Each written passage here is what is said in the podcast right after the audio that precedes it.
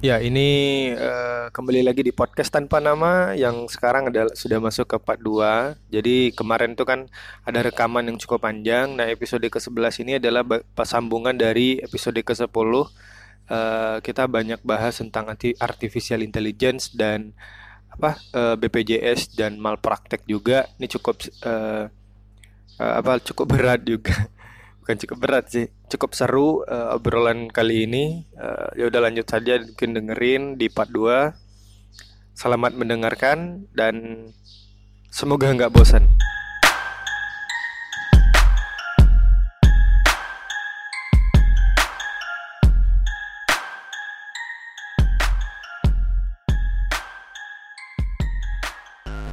Terus kita mau ngomongin ini nanti kalau mau nanya balik boleh. Kita oh, ngobrol biasa. kayak jadi wawancara di, yeah. di radio-radio gitu. Uh, langsung mungkin di, di bahasan yang lebih teknologi gitu. Uh, sekarang tuh ada ada banyak profesi yang digantikan oleh sebenarnya nggak robot. Kalau robot jelas lah. Uh, di dok kedokteran pun butuh robot kan. Sekarang operasi banyak pakai robot. Terus dokter gigi juga pakai robot untuk praktek dan seterusnya gitu. Uh, bahkan saya pernah baca ada juga yang operasi uh, nah beda robot dengan AI itu artificial intelligence AI ini dia bisa hidup sendiri gitu. Dia bisa belajar sendiri. Dia itu kan kecerdasan buatan tuh dia punya, punya ibarat dia punya otak yang bisa belajar. Nah uh, sekarang udah mulai ada ketika kita bisa konsultasi dengan dia saya lupa nama nama robotnya tuh ada yang bilang dia banyak sih ada namanya Babylon uh, ada juga uh, pokoknya yang yang peduli dengan kesehatan Nah, kita bisa konsultasi ke dia, kemudian uh, dia bakalan melihat rekam jejak medis kita, dan dia bisa analisa apa sih obat yang yang pas untuk kita gitu. Uh, dan saya pikir sebagai orang yang um, apa ya, yang hobi dengan teknologi, saya pikir ini lebih lebih valid. Kenapa? Karena dia tidak tidak ada unsur emosional. Mungkin dokter ini lagi nggak mood misalnya, nggak ada artificial dia nggak punya hati ya AI ini nggak punya hati itu bedanya dengan manusia. Tapi dia bisa belajar terus. Misalkan nih kita dia taruh nih AI ini di sini. Dia bisa mempersilahkan orang masuk misalnya. Kemudian dia belajar cara orang duduk. Terus uh, pokoknya berkembang terus otaknya. Dong itu AI itu gitu. Bahkan di Facebook sendiri Facebook itu dia ada departemen AI dan itu memang di AI semua isinya. Dan sekarang ditutup. Karena memang membahayakan. Dia semakin belajar. Dia bahkan bisa memproduksi uh, eh, AI baru gitu. Kayak ada produksi juga.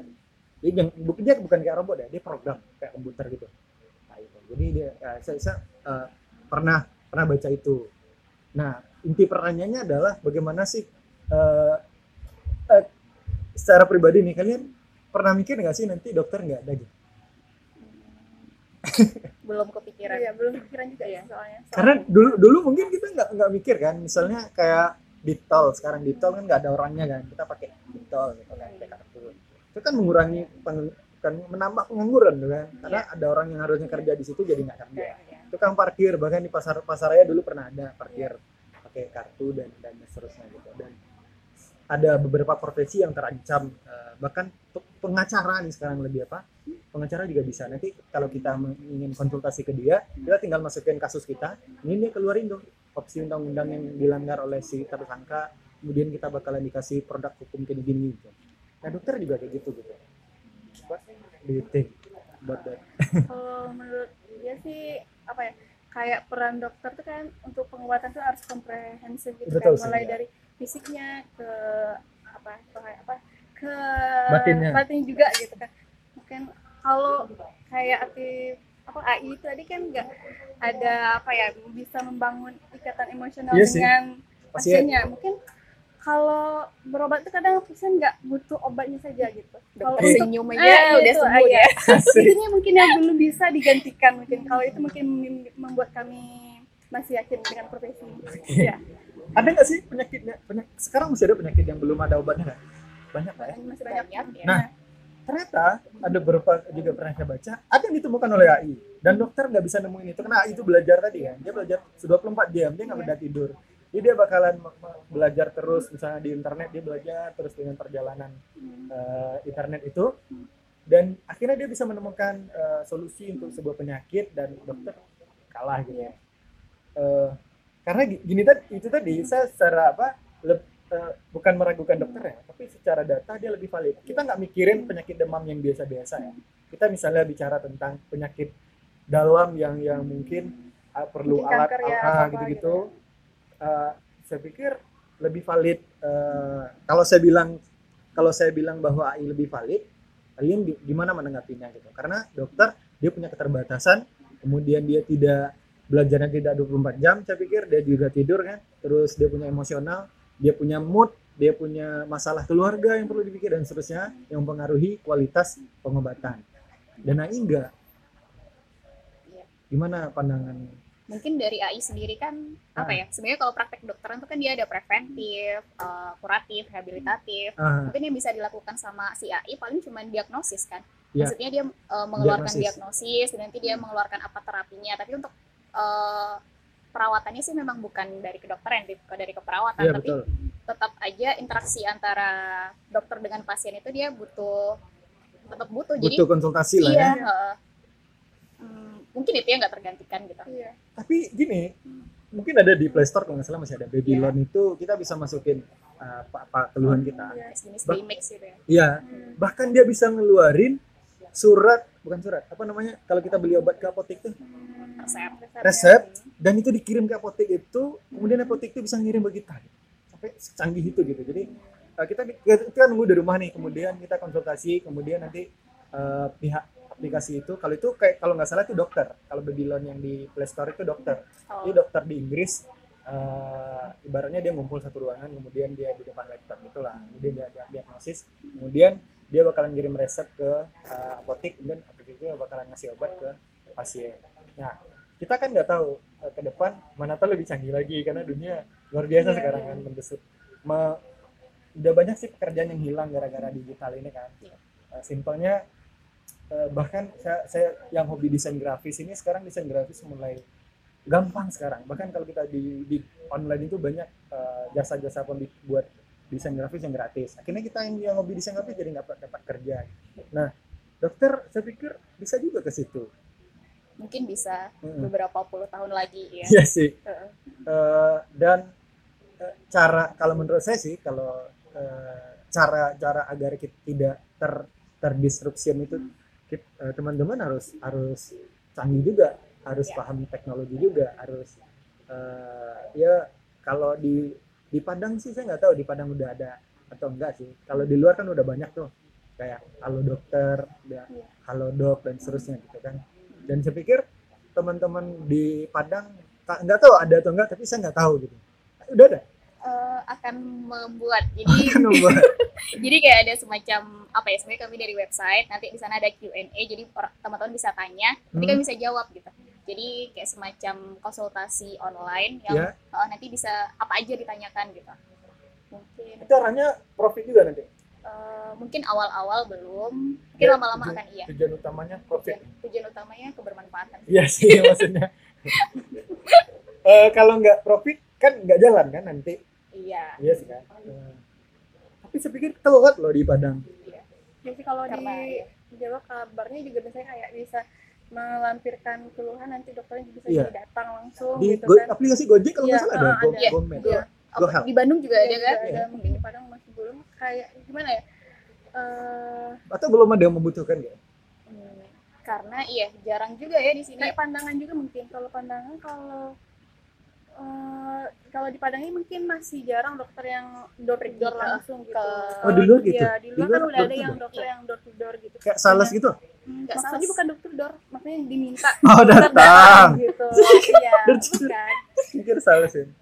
Kalau di Padang kan belum ada dokter yang diminta ke rumah untuk karena ada pasiennya Iya, iya betul gitu. sih. Pasiennya mau aja ke rumah sakit ya? Iya, gitu. Iya. Kalau di Jabodetabek tuh kan uh, pernah juga sana soalnya kalau misalnya ada misalnya pasien ini dia nggak mampu jalan atau keluarganya itu dia nggak punya kendaraan untuk betul, membawa betul, betul. anggota keluarganya jadi dia pergi ke klinik dokternya akan pergi ke sana gitu hmm. Hmm. Uh, sekarang jumlah dokter di Sumbar ini sudah apa dari segi keterbutuhan sudah memadai belum? Sebenarnya jumlah kayaknya sudah tapi merata mungkin pemerataan. ya. Oh, merata belum? Nggak mau ke, ke desa-desa kita? itu makanya anak FK ini semua ngomong ini mungkin manja mungkin. Ah itu. Kata kuncinya. Iya sih iya sih. Tapi iya sih tapi fasilitas di maksudnya apa ya? di pemerataan juga mungkin perlu tapi fas, pemerataan fasilitas juga perlu gitu. Jadi nggak hanya menyalahkan dari dokternya aja yang nggak mau ke daerah tapi berarti bentar siapa yang bisa kita salahkan di situ kalau nggak dokter? Ya mungkin dari dua belah pihak. Dari pihak keduanya apa itu maksudnya? Pemerintah. Pemerintah kan dia nggak tahu apa apa mungkin melalui dinas, dinas kesehatan ya. kalau pengen dikirim ke daerah terpencil tapi kalau nggak ada fasilitasnya. kayak pemeriksaan ini nggak ada mau periksa itu nggak ada. Jadi kayak apa ya Jadinya, jadi dokter nungguin itu sekarang? Ya, banyak juga. apa ya kayak lebih ke was was juga kalau ke daerah tanpa ada apa perlengkapan yang nah cukup, gitu. gitu. Oke saya sepakat bahwa fasilitas di daerah kurang lengkap. Tapi apa yang telah dilakukan oleh dokter agar tujuan kita nih supaya merata ini bisa tercapai gitu? Kalau nungguin pemerintah kayaknya nggak efektif lah. Hmm uh, mungkin dari memang kan udah ada program pemerintah yang JKN ya kayak universal coverage jadi kesehatan emang bakal tercover semua kesehatan ya, masyarakat betul, betul, ya. di tahun 2019 gitu jadi uh, mulai pemerataan JKN mulai uh, oh ya juga sudah ada program dari pemerintah yang dia itu hmm. uh, anak daerah gitu. Jadi kayak di Papua yeah. ada sekolah disekolahkan oleh pemerintah mereka ke Unan. Jadi nanti dia bakal balik lagi ke Unan. Jadi nggak perlu kita mengirim dokter, dokter asli Sumbar untuk ke Unan, eh untuk ke Papua gitu. Oh gitu ya. Hmm. Siap siap. Itu udah udah udah ada lah ya cara yeah, uh, gitu ya. Eh uh, apa dokter nih apa karir tertingginya apa? Misalnya kayak hukum tuh kan hakim ah itu tertinggi kan. Kemudian kalau teknik kayaknya uh, direktur BUMN mungkin. Direktur Pertamina mungkin itu kan. Tapi kalau dokternya apa? Tertinggi? Kesehatan. Menteri kesehatan. Menteri kesehatan. Menteri kesehatan. Emang, tapi itu jabatan sih itu lebih ya, dokter. ke itu lebih ke apa? Fungsional sama iya, strukturalnya mungkin struktural. itu tapi kalau uh, fungsional mungkin kayak bisa di pendidikan bisa kayak profesor mungkin. Profesor. Ya, PhD uh, ya. dokter tuh gajinya berapa sih tergantung institusi tergantung rumah sakit dokter, tergantung di di N Jamil dokter umum berapa gajinya? Dokter umum. Dokter umum itu saya nggak ngerti sih dokter umum iya. apa. Dia kan ada dokter umum dokter spesialis gitu ya. Iya iya iya. Nah dokter umum gajinya berapa? Dokter umum bisa dokter di IGD ya. Iya. dokter eh. IGD hmm, kurang tahu juga tergantung rumah sakit. N Jamil oh N Jamil N Jamil lebih lebih valid datanya mungkin dari dokternya iya uh, oke okay. enggak kalau di, di uh. saya saya ngakuin saya kayak di di PLN PLN tuh kalau satu minimal enam jutaan lah. Hmm. per bulan. Kalau tamat SMA tuh tiga setengah sampai lima gitu kan. Uh, jelas itu kan dan itu nggak jadi rahasia kayaknya. Iya iya iya. Kalau dokter umum dokter spesialis? Dokter spesialis puluhan minimal 20 atau sampai 40 20 sampai 40 wow. Oke. okay dan melewati jenjang jadi dokter spesialis itu apa? Pendidikan spesialis PPDS. Ya, misalnya kalian ini kan sudah dokter umum. Dokter umum nih. Yeah. Terus uh, apa nih intensif? Iya, Berapa lama? Satu tahun. Kita coba mulai dari tahun satu. Kuliah empat tahun. Iya. Tiga setengah tahun sih. Normalnya empat tahun ya? Iya. Ini ya. normal aja lah. Iya boleh. Oke, empat tahun nih anak FK ini sombong-sombong. Oke, empat tahun terus? Terus skripsi udah kan abis itu abis itu klinik. Klinik berapa? Profesi dua tahun. Oh, prof, uh, tahun berarti iya enam tahun. Enam tahun udah jadi dokter DR iya. Ujian setelah dia mengikuti ujian kompetensi, kompetensi. kalau misalnya dia sekali lulus berarti Betul. ya enam tahun. Enam tahun sampai tujuh tahun lah ya. Iya. terus?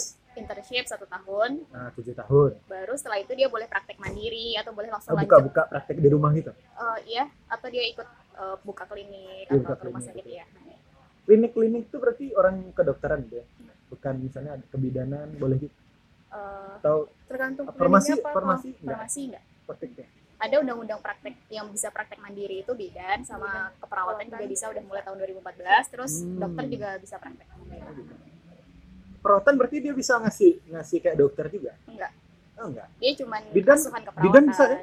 bidan, bidan bisa. bidan tapi tendangnya lebih ke asuhan persalinan oh, normal. Kayak ya. Nah, kalau di kalau di atas ya. Gue tahu ya bidanani ya? Oh, iya. itu terkenal artinya bukan terkenal dia bag, dia bisa ngobatin nggak? Artinya kalau sakit kok ke bidanani gitu? Hmm. kok ke bidan gitu? Kalau saya sih nggak pernah ke situ karena kurang apa aja gitu. Karena biasanya saya pulang kampung kan. Kayak gitu. Berarti bidan uh, batasannya batasan ngasih apa tindakan medisnya ada gitu kan? Ada, ada. Sebenarnya tadi sempat searching kan kalau bidan itu dia plat, uh, yang boleh dilaksanakan itu dia hmm? uh, persalinan normal. Persalinan normal terus juga reproduksi perempuan misalnya dia kayak KB atau yang kalau lain. demam? Demam. kepala sakit gigi? Dia boleh melakukan itu selagi tidak ada yang praktek dokter di sekitarnya dalam satu lingkungan. Saya di kecamatan di kelurahan itu tidak ya, ada. sebelahnya ada puskesmas nah, kan? kalau itu kurang tahu juga sih. Kalau di undang-undangnya seperti itu gitu. Atau jangan-jangan di situ ada dokter tapi mereknya bidan? Kalau di dokter eh, di bidanan itu kalau nggak salah ada praktek dokter. ada praktek dokter. dokternya oh, ya ada dokter. yang yang pemiliknya bidan ya. ada praktek dokternya di dalam oh gitu ya nebeng lah ya nebeng brand soalnya ibunya udah duluan terkenal ya. Uh, eh belum ya belum selesai tadi hmm. kuliah spesial tujuh tahun yeah. habis itu mau ngambil spesialis hmm. kalau punya duit atau kalau bisa cari beasiswa gitu ambil emang berapa kalau nggak kalau nggak beasiswa berapa sih kuliahnya kalau spesialis? Tergantung universitas juga. Tergantung universitas tergantung jurusan oke okay, universitas juga. yang menengah apa di Indonesia ini? maksudnya spesialis. terjangkau. Bukan ya, ya, uh, bukan nomor satu. Dia peringkat satu dunia nggak itu juga tapi biasa lah nggak paling rendah juga gitu. Akreditasi ya? akreditasinya ya. gitu ya Udan bagus. Udan bagus lah. Udan yeah. berapa spesialis kuliah? Spesialis apa? Hmm, banyak uh, mata. Mata. Saya mikirnya mata. Mata ya ini mata. Oh beda beda ya? Mata iya. telinga hidung beda. beda nanti uang kuliah. beda. Bedanya itu kan nggak jauh kan iya. Rata-rata berapa? Mungkin kalau untuk per semesternya 5 sampai sepuluh juta. Per tapi semester. uang pangkalnya kurang tahu berapa. Uang pangkal ini uang pembangunan. Iya mungkin. Terus juga banyak hmm, banyak kegiatan-kegiatan lain selama dia residensi. Pasti dia kan nggak di kelas itu kan? Nggak dia jadi praktek di rumah sakit. Oh gitu. Selama? Selama tergantung spesialis. Jadi 8 semester. Uh, 8 semester ada 7 semester gitu. taruh 8 semester. 4, 4 tahun, tahun ya. 7 tambah 4 11 tahun. Hmm. taruh 12 lah dia main-main setahun kan? Ya. 12 tahun. Saya tamat dulu umur 18 11 18 18 tambah 11 12 12 40 ya? 30 eh 30 umur 30 rata-rata spesialis 30-an uh, 30 ke atas. Paling muda paling muda. Paling muda yang sudah spesialis. ya, yang udah jadi dokter spesialis. Hmm. sekarang kan banyak dokter muda kan? 29 udah lah ya 30-an lah ya. Iya tergantung diakselerasi atau enggak waktu SMP SMA hmm. Terus uh, spesialis tuh sekali aja tuh mata saya mata kanan. Lebih detail lagi kan? Ada cuma fokus di mata yang bola mata yang hitamnya gitu. Ada ada subspesialisasi lagi. ada. berapa lama tuh? Hmm, apa semester juga? Kurang kurang tahu, tahu. berarti kalian nggak mau kuliah itu kalau di apa di UNER belum ada. Iya di UNER belum ada oke nanti kalian pengennya abis ini mau mau ke mana nih? Setelah internship dia ya? dulu dia dulu. Abis internship ke mana? Internship mungkin lebih atau dari dokter perusahaan dulu mungkin atau Oke, jadi ingin, ingin ya atau dulu. mungkin jadi dokter kontak dulu di rumah sakit gitu. baru nanti kalau mau sekolah-sekolah. Uh, pengen. Misalnya saya mau yeah. ngasih uang nih kamu kuliah lah spesialis nih uang gitu. Mau ngambil apa? Mungkin mau masuk saraf mungkin. Saraf. Ya, saraf tuh udah udah berarti kan udah udah nyari informasinya yeah. gitu kan. Kemudian uh, berapa lamanya kan udah gitu kan. Berarti akan menghabiskan waktu yang kayak tadi lah. Iya, sama kayak gitu lah ya. kemudian masih ada uang nih untuk sub spesialis gitu.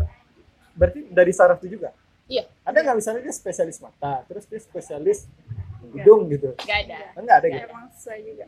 Dua kali dia kuliah gitu dari awal. Nggak ada. Nggak ada nggak ada. Kalau dia mau gimana? Uangnya mau. ada gitu?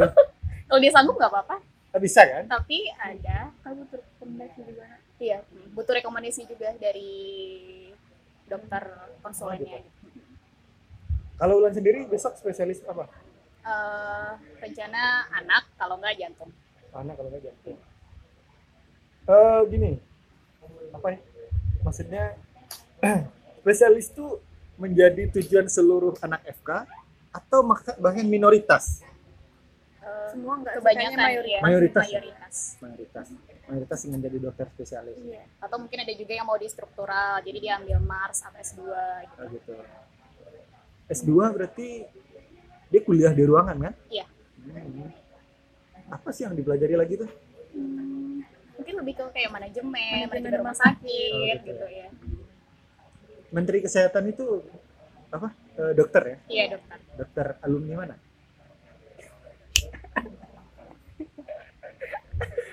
Harusnya anak FK tahu lah. Uh, eh, UI UI iya. Saya saya googling nih. Iya boleh. Dokter Mila Muluk ya. Oke. Okay. spesialis paru kalau nggak salah oke okay. Siapa namanya uh, F Mila Muluk iya Mila Muluk Mila Mila Mila saya nggak tahu soalnya oh. makanya nanya oke okay, ada yang mau ditanya balik hmm. mbak mungkin bisa apa mbak mungkin nanya hmm. apa ya jadi gimana sih perspektif orang luar tentang dunia kedokteran itu? Oke. Okay. Uh, sebenarnya saya, saya tadi pertanyaannya itu kan berdasarkan perspektif juga sih. Iya sih. Tapi saya melihat pertama itu tadi. Saya punya pengalaman uh, dok uh, apa? Terutama di salah satu rumah sakit di Kota Padang. Jadi waktu itu ada nemenin teman buat uh, cek gitulah. Uh, dan proses rumah sakit itu luar biasa ribet pagi dia ngambil nomor antrian siang dia memastikan kehadiran malamnya dia cek dia harus tiga kali ke rumah sakit saya bayangkan kalau rumahnya misalkan di sini kemudian rumah sakitnya ada 30 atau 60 km itu dia balik-balik dan bisa sih sebenarnya dia dia dia nungguin di situ tapi dia kan nggak ada ruang istirahat untuk menunggu kan tentu dia paling di di ruang tunggu atau di, di masjid tiduran dan seterusnya gitu. dan saya menemukan memang agak kurang uh, dari fasilitas kesehatan di di Padang tahu di tempat lain masih kurang uh, nyaman saya menikmatinya gitu. Kemudian saya tanya ke teman, ini kan mungkin karena kamu BPJS ya gitu kan. Karena karena karena kamu BPJS diginiin gitu. Katanya iya.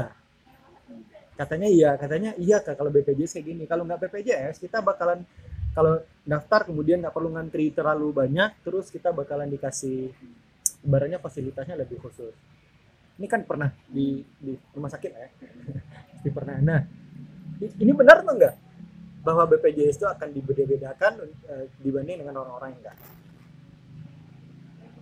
pengalaman kami di rumah sakit nggak ada nggak ada pemisahan ada. seperti itu gitu. Jadi memang kalau misalnya dia memang harus ngantri ya mengantri. Kayak misalnya kita dia antri untuk kamar operasi. Jadi yeah. nanti dia bakal dipanggil lagi misalnya satu bulan lagi. Itu memang berdasarkan urutan antrian dia harus dioperasi itu ya sesuai dengan urutannya gitu. Jadi walaupun dia BPJS atau dia umum atau dia bayar mandiri atau apa pun itu memang tetap kalau menurut kami sih nggak ada pemisahan sih. Mungkin itu cuma stereotip masyarakat aja oh gitu. Kalau sebenarnya kan kalau uh. di rumah sakit kan ada poli khusus kayak yeah. poli ambun pagi VIP ah ya VIP itu kan emang apa ya kalau yang bayar mandiri biasanya uh, langsung ke sana kan. Yeah, kalau yeah, yang BPJS, BPJS biasanya emang di maksud antrian dulu Betul. Nah, prosesnya mungkin karena pasien ini jumlahnya banyak. Soalnya kan kalau BPJS biasanya kalau dirujuk itu berarti kan kayak penjamin misalnya itu kan emang pasien dari uh, Sumatera Barat dari Jambi dari betul, betul, betul, ya. dari Bengkulu atau dari Pekanbaru itu maksudnya itu ya. kayak penjamin jadi kayak apa ya kayak lebih karena jumlahnya yang banyak karena kan polinya terpisah makanya lebih lama nah, iya betul oke okay lah terpisah hmm. jadi kan bisa misalnya gini uh, uh, di di, di kenapa nggak di misalnya kan ada dua tuh ada dua pos satu BPJS satu non BPJS kenapa nggak disamain antriannya? Tapi pengurusannya yang beda. Artinya gini uh, ketika ada yang nggak BPJS bayar misalnya. Nanti kalau mau beli apa bayar. Kan itu aja tinggal ya. Tapi dalam proses dia mau menuju perawatan itu kan kenapa nggak bareng-bareng aja? Artinya ada ada dua antrian yang di situ bercampur, tinggal nanti kita membedakan oh ini BPJS itu enggak. Bisa jadi di satu antrian itu dia BPJS, satu lagi di belakangnya enggak, kemudian enggak lagi, kemudian BPJS lagi. Tapi nanti pada saat di akhir kemudian dia ada administrasi ya udah dipisahin. Apa ya itu kan lebih ke sisi pelayanan rumah sakit kayak gimana ya? Kalau mungkin kita itu memandang dari apa ya kalau pasien BPJS tapi kalau digabungkan itu gimana kalau kita pandang juga dari pasien yang mandiri? Kalau seandainya dia juga harus menunggu hmm? kan lebih lama juga dia menunggu makanya oh di karena dia udah bayar iya iya mau gimana ya udah mbak. Bener dia karena nggak mungkin lah dia karena dia dibayar lebih nih gitu. Tapi digabung status BPJS itu dia bayar lebih loh. Karena dia dibayarin orang. Artinya dia bukan gratis di situ. Dia, dia dibayarin oleh temennya. Yang temennya orang kaya gitu. Kan gitu. Yeah. tapi kebetulan temennya ini nggak sakit akhirnya masuk ke dia kan. Secara yeah. logika kan dia nggak bukan gratis. Kita nih uh, kayak arisan yeah. kemudian ada yang sakit satu. Kan bayar yeah, rumah sakit tetap dapat duit di situ gitu. Iya mungkin dari apa ya tingkatan BPJS-nya mungkin ya. Jadi kan BPJS kelas 1, kelas ya, 2, betul. kelas 3 ya terus uh, ya. Nah gitu. Uh, kenapa harus dibeda-bedain? Atau salah nanya orang? Artinya gini manajemen itu mungkin nggak iya, di iya. kedokteran lah ya. Karena saya mikirnya dokter yang ngurus rumah sakit itu secara keseluruhan. Ada ilmunya juga. Kalau kami emang di masih apa, pelayanan. Ada oke okay, perspektif kita ya. sebagai seorang pemuda. Iya. pemuda. Karena yeah. kita pemuda garis kritis lah ya. Dan kita melihat fenomena ini teman-teman yang dekat dengan rumah sakit saya, saya bahkan teman saya cerita dia dia dia waktu itu pergi sama teman yang lain. Ini nih cerita. Dia sampai ke, ke rumah sakit itu sampai dia tiga kali kemudian dia datang antrian. Kemudian dokternya nggak datang. Besok dia udah antri lagi. Dia jauh. Dari sini tuh menghabiskan ongkos dua ratus lima puluh ribu pergi pulang balik lima ratus ribu bayangkan. Itu yang dia lakukan sekali seminggu dia harus cek uh, di salah satu rumah sakit di Padang. Nah kemudian dia cerita gitu kan. Uh, kemudian uh, karena uh, saya mendengarnya agak kurang serak kan oke okay, kita bareng berdua berdua kita ke situ gitu. Kemudian pergi ke rumah sakitnya ternyata memang pelayanannya pada malam itu cukup bagus gitu. Beda dengan yang dia ceritakan. Karena kan orangnya beda-beda tiap hari kan. Jadi saya nggak menemukan fenomenanya tapi dengan cerita ini saya, saya melihat uh, ya kalau kesehatan itu kan apa ya ibaratnya itu uh, kebutuhan semua orang. Kemudian saya pikir dengan persepsi teman-teman lah uh, bahwa BPJS itu harus di, dibedakan dengan non BPJS uh, berarti kan kita mengira bahwa BPJS itu kan gratis. Meskipun secara de facto dia gratis kan secara faktanya dia memang gratis. Dia kan di situ nggak bayar apa-apa. Uh, dia juga membayar iuran mungkin nggak seberapa dengan uh, dibandingkan dengan uang kesehatannya kan. Tapi kan secara uh, realnya kalau kita hitung itu kan dia bayar. Ini perspektif pemuda bukan dokter lagi. Gimana kalian menanggapi ini? Uh, mungkin kita lihat juga kan BPJS itu sebenarnya uh, kalau misalnya menurut Ria yang bukan BPJS ini apa dia bayar sendiri mandiri langsung ke rumah sakit atau gimana iya dia dia dia nggak nggak saya nggak ikut BPJS saya nggak hmm. daftar BPJS saya nggak bayar iuran per bulan oh. jadi kalau saya sakit ya udah saya saya bakalan berobat sendiri gitu kayak gitu oh. kalau kan kan ada dua orang di Indonesia nih yeah, ya yeah, BPJS yeah. dia karena BPJS sekarang kan belum fardu ain lah hmm. sunnah muakat kan iya kan saya nggak tahu tapi tahun 2019 semua ya, wajib iya, warga negara wajib. fardu ain karena gini ya, tanggalkan profesi dokternya. Iya ya boleh. Nah, jadi uh, kenapa sih kita uh, saya saya bukan pro bukan pro temannya tadi teman saya tadi. Bagus loh program BPJ ini sangat membantu oleh uh, orang-orang apa gitu yang yang apalagi yang tidak mampu. Tapi pada akhirnya dan saya menemukan bahwa memang ada perbedaan cara cara pelayanan saya menemukan itu gitu. Nah nggak tahu teman-teman masa nggak nemuin itu? Saya sering uh, beberapa kali ke rumah sakit saya nemuin itu kok beberapa orang. Bahkan kakak kandung saya waktu di apa pun waktu dia melahirkan pun memang menemukan fenomena itu bahwa dia BPJS dan kayak gini. Sampai saya bilang kan uh, kalau uh, BP, BPJS itu bukan berarti kita nggak bayar gitu. Rumah sakit tetap dapat duit kok dokter tetap dapat digaji kok gitu kan. Nah kenapa sih kita uh, mindset kita malah ke situ gitu. Kita bilang BPJS itu gratis gitu kan. Atau saya yang salah? Gitu saya enggak enggak Rio. Itu memang gratis kok. Dokternya digaji lebih sedikit mungkin dengan kalau dia mengurusi pasien BPJS atau gitu?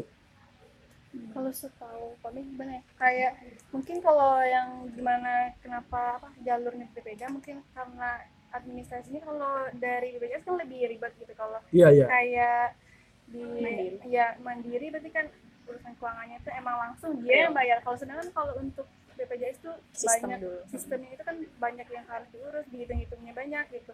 Mungkin apa ya itu juga mungkin membuat ribet juga mungkin untuk dari apa ya yang pelayannya juga artinya kalian ya. me, me, mengamini pelayanan seperti ini. Artinya nggak bisa kita hindari gitu. Iya iya. Nggak bisa dihindari soalnya. Karena juga kalau di rumah sakit kalau BPJS dia kayak sistem paket gitu. Jadi misalnya ya uh, dia CBGs gitu kan. jadi uh, kalau misalnya kita mau melahirkan normal jadi ada paketnya segini. Jadi dokter harus memakai benang ini harus pakai bahan ini. Jadi nanti sisanya baru akan menjadi jasa dokter gitu. Jadi kalau mandiri kan ya udah mau yang iya, terbaik ya, apa mau mau dengan benang apa mau apa yang paling oh, bagus oh, gitu. gitu jadi bisa lebih bayar lebih banyak gitu. Siap siap siap. Berarti uh, memang ada perbedaan kualitas lah pasti. Karena memang masa disamain kan gitu ya? Yeah. bahasanya kayak gitu ya? Yeah. Tapi sih sebagai seorang manusia saya sih kurang terima aja sih uh, kayak gitu. Kok uh, segitunya kita dalam dalam uh, tapi uh, mungkin bisa jadi dengan dengan BPJS-nya misalnya golongan paling bawah kemudian kualitas kualitas alatnya yang dipakai pun lebih rendah enggak enggak selalu juga sih, sih. Ya. kalau alat standar. kayak alat sama tapi kayak lebih bahan-bahan bahan, habis pakai. oh, bahan-bahan habis pakai itu gitu ya, ya kayak yang bilang tadi benang misalnya atau jumlah obat yang bisa dipakai untuk penyakit ini cuma segini okay, okay, ada siap, dihitung siap. gitu kan. Dia agak ribet gitu Se uh, uh, kalian melihat orang yang nggak mau nggak bayar BPJS ah, gimana sih? Saya nggak dipakai. Saya nggak ikut soalnya gue ya nggak ikut juga dia ikut sayang kalau sayang kalau nggak ikut BPJS kan, gimana ya kayak lebih ya misalnya saya nanya nih nah. saya nggak mau bayar BPJS iya. apa saran teman-teman hmm. saya kayak apa ya kayak asuransi itu kan kayak biaya-biaya yang tak terduga kalau biasanya mungkin hmm. kita nggak tahu akan ke depannya nggak tahu iya gitu. misalnya Betul. emang sehat aja atau emang iya sih. membutuhkan biaya yang besar nanti untuk pengobatan kalau emang batuk pilek kan bisa lah di. Di, di apa tercover dengan uh, uang yang kita punya sekarang. Mungkin mungkin kayak apa ya persiapan masa depan untuk memikirkan apa kemungkinan terburuk aja gitu. Ya lebih aman aja. Oke. Okay. ya. tapi saya masih belum masih tertarik belum ya? tertarik. Gimana? Oh, iya. uh, mungkin Rio berkelebihan harta gitu kan. Enggak Jadi, enggak. juga enggak, enggak juga. Saya bidik misi dulu kuliah. Bidik misi pasti ada surat keterangan tidak mampu gitu. iya iya. uh, jadi misalnya apa ya seseorang yang udah berkelebihan harta jadi kita bisa tolong menolong jadi asas dari BPJS itu kan dia tolong menolong ya walaupun uh, kita dengar-dengar petinggi BPJS itu dia gajinya lebih besar apa gitu kan uh -huh. tapi uh, kalau misalnya memang kita mampu untuk membayar kan lebih baik kita memang membayar walaupun yeah. itu dalam kelas yang lebih rendah misalnya kelas 3 setidaknya kita bisa ikut menyumbang membantu untuk eh, orang-orang yang dia nggak yeah. bisa ikut BPJS gitu. Nah sebagai orang yang nggak beruang ah, kalau beruang kalau nggak beruang ada. Tadi kan uh, sarannya kalau buat kalau punya uang yeah. kasih kasih lah menyumbangin gitu kan. Saya nggak punya uang nih. Kalau nggak punya uang pasti akan didaftar iya ada sistem dari, pemerintah yang dia PBI jadi penerima bantuan iuran ada yang non oh pemerintah yang bayarin? Iya, iya. baru tahu saya tuh. Uh, jadi kalau misalnya memang ada surat keterangan miskin atau surat uh, apa ya pokoknya dari surat camat atau surat kelurahan setempat yang menyatakan memang tidak mampu untuk membayar, nanti dia bakal menjadi oh, program gitu. BPJS yang PBI, penerima bantuan iuran dari pemerintah. Oh, nah, baru tahu saya. Oke, sih. Uh, udah lama nih, udah sampai hampir satu jam eh, lebih nih satu jam sepuluh menit tadi ada lagi udah sih udah ya ada yang ingin ditanyakan asik enggak ya cukup. Oke terima kasih buat teman-teman yang udah mau diundang nih sekarang. Nggak tahu bakalan ada episode selanjutnya nih nggak tahu. Kalau nanti ada teman-teman yang ingin diusulkan untuk diwawancarai mungkin saya terima ya. Okay. karena jujur secara relasi saya juga tidak banyak lah. Karena saya tidak punya teman di kesehatan kan. Kan gitu ceritanya. Hmm. uh, ya terima kasih. Kita udah banyak tadi bahas uh, ini itu. Terakhir mungkin dari teman-teman uh, ada semacam closing statement lah. Atau tujuannya ke ini aja ke mahasiswa semester satu aja yang di FK semester satu semester dua. Apa sih? Jangan tetua. Silakan. Iya. Apa ya? Mungkin kalau bagi uh, ada-ada yang baru masuk yang akan menjadi calon teman sejawat kami mungkin uh, apa ya kalau sudah melangkah ke sini jangan tanggung-tanggung gitu. Kalau udah masuk harus tetap apa ya uh, totalitas totalitas sih maksudnya hmm, apa ya mbak? Maksudnya uh, kalau di tengah jalan malah mundur itu sayang ya, ya sayang gitu. Kalau di tengah jalan malah melalaikan gitu kan. Soalnya kembali lagi kan kita tanggung jawab kan hanya ke diri kita sendiri gitu Siap, kalau sama perjalanan mungkin harus tetap okay. kayak semangat gitu lah Sip. Let sama sih intinya fokus terus let it flow jadi artinya jangan walaupun kita memang aktivis di fakultas kedokteran tapi jangan lupa tujuan awal kita tuh belajar di sana jadi jangan sampai orang tua kita kecewa pokoknya jangan sampai impian orang tua ataupun impian kita sendiri eh, nggak uh, sampai okay. Thank you. Asik. Uh, terima kasih buat dua narasumber kita yang luar biasa. Mudah-mudahan di lain kesempatan bisa ngobrol lagi. uh,